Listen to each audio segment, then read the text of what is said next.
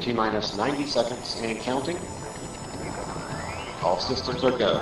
We're about 90 seconds from the launch of Space Shuttle Discovery. The whole experience of the last shuttle launch always to me felt like it was somewhere between a wedding and a funeral. You know, something that was a great celebration of the achievements of 30 years, but also the end of something the likes of which we're likely never to see again. Tranquility Base. Uh, Houston, clear. Tranquility Base. Uh, Houston. Tranquility Base. Dr. Kevin Fong från University College i London, som ni hörde där, växte precis som jag upp under det tidiga 70-talet. Det här var en tid då månracet var förbi, världen led av en mild rymdbaksmälla. Okej, nu har vi gjort det här, nog om det, nästa samtalsämne.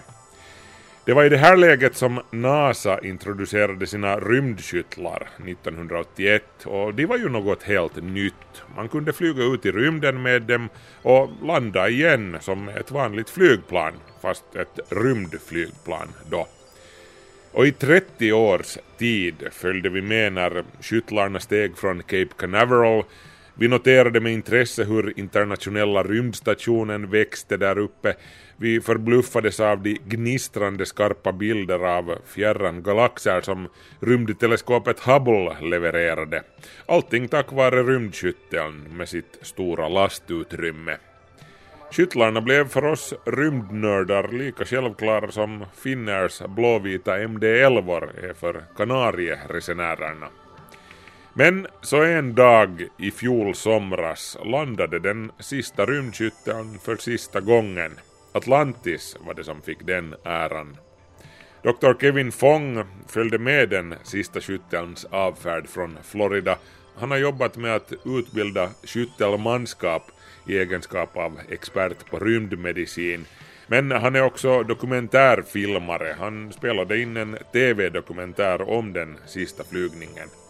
Jag frågade honom vad han tror om NASAs framtid nu då ett stort och viktigt kapitel i deras och hela rymdfartens historia har tagit slut och ingenting riktigt lika mäktigt är inom synhåll. Fång menar att NASA nu på ett eller annat sätt måste gå vidare och dessutom höja på ribban. The business of getting into low Earth orbit there's sufficient experience in it that perhaps you can let people take that on as a more prosaic task, a task that you know is best left to people who are doing it for commercial benefit. Uh, and then that leaves NASA to carry out advanced technology demonstrations and prosecute missions in which no commercial company would have an interest, but which NASA might then again advance uh, uh, the future of exploration and the future of science. Att transportera folk och utrustning upp i omloppsbana har blivit en så pass vardaglig grej att den kommersiella sidan bra kan sköta om den biten. NASAs roll blir då att agera banbrytare, introducera ny experimentell teknik och nya storslagna mål som de kommersiella aktörerna varken har lust eller kapacitet att ta sig an.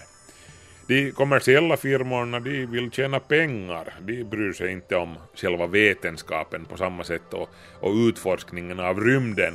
Men allt får ju inte handla om pengar. You've got to continue to push back the frontiers. That's what exploration is about. Uh, you know, we can't just languish around in low Earth orbit just because that's the only thing that makes a fast buck. That's not what exploration has ever been about, uh, and that's not what science is about. And so, if you are interested in getting science from human exploration of space, then you've got to go further and you've got to go to new places. Utforskningen av rymden behöver ständigt nya mål, annars stagnerar den, säger Fong. Vi har dröjt kvar i nära omloppsbana runt jorden tillräckligt länge nu och bara för att det är lönsamt ur en business-synvinkel just nu så kan vi inte stanna där. Vi måste sikta längre ut om vi menar allvar med vår vetenskap och vår rymdforskning. Då måste vi rusta för en längre expedition. Och då tänker ju alla säkert samma sak, Mars.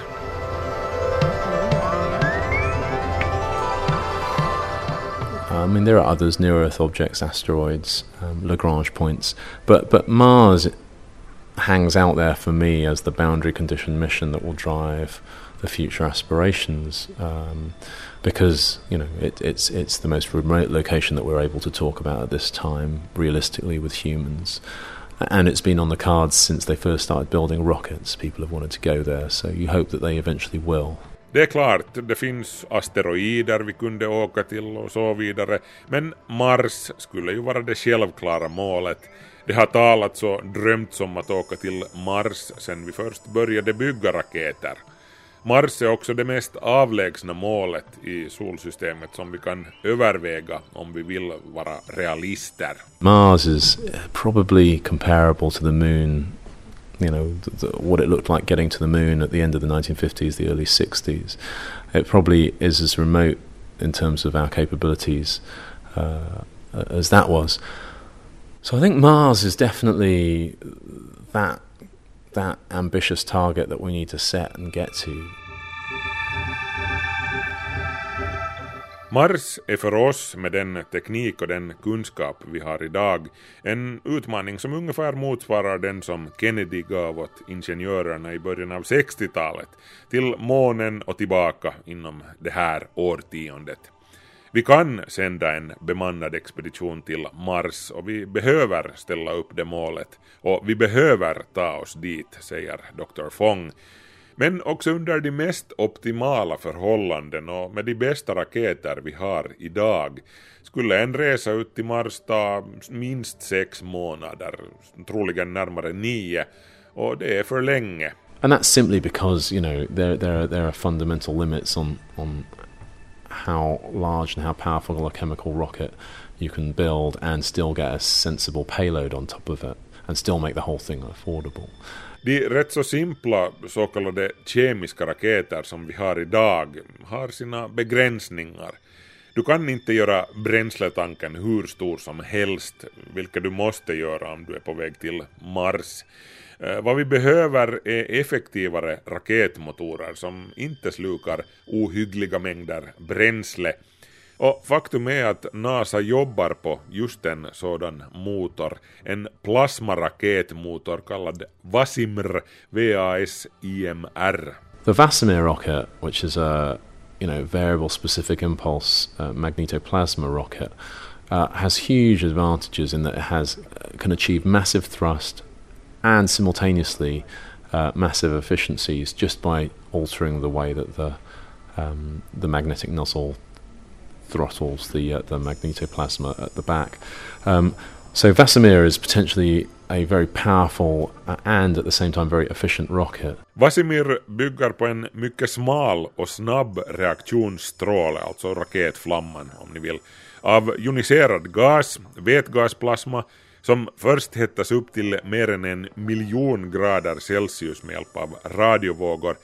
Den här plasmastrålen kontrolleras och innesluts av kraftiga supraledande magneter, mycket få rörliga delar i hela den här mekanismen. Det här ger en enorm drivkraft kombinerat med en bränsleekonomi som är hundra gånger bättre än hos traditionella raketer. Det här är i princip inget nytt. Själva konceptet här stammar från slutet av 70-talet och det finns redan fungerande prototyper i liten skala. Men liten skala räcker inte om vi ska flyga till Mars på en månad vilket i teorin är realistiskt med en fungerande Vasimir-raket.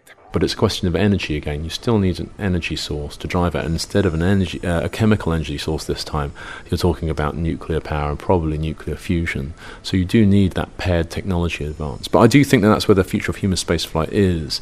That it requires enabling technology before you can go to some of these more exotic destinations. Problemet då vi talar om Vasimir i en stor skala som i en Marsfarkost är att det krävs en kraftig strömkälla för att alstra den el som går åt till att skapa de här magnetfälten i motorn.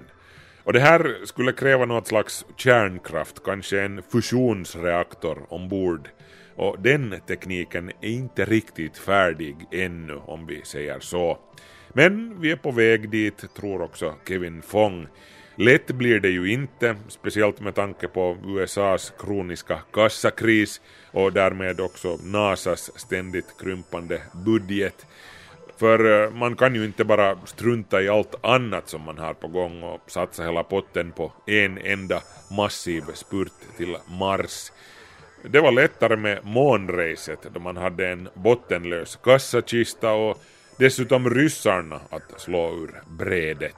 Uh, and now we're trying to do missions that are appear as ambitious but on budgets that are an order of magnitude smaller and that's a reality that you have to face you know and if we can do that if we can achieve that then you really will have succeeded in space Ifall NASA verkligen lyckas med att få den här ekvationen att gå jämnt ut på något magiskt kreativt vis, att ytterligare höja på ribban och förverkliga de här stora visionerna med bråkdelen av de resurser som hjälpte Neil Armstrong ta sitt stora kliv, ja, då är ingenting omöjligt.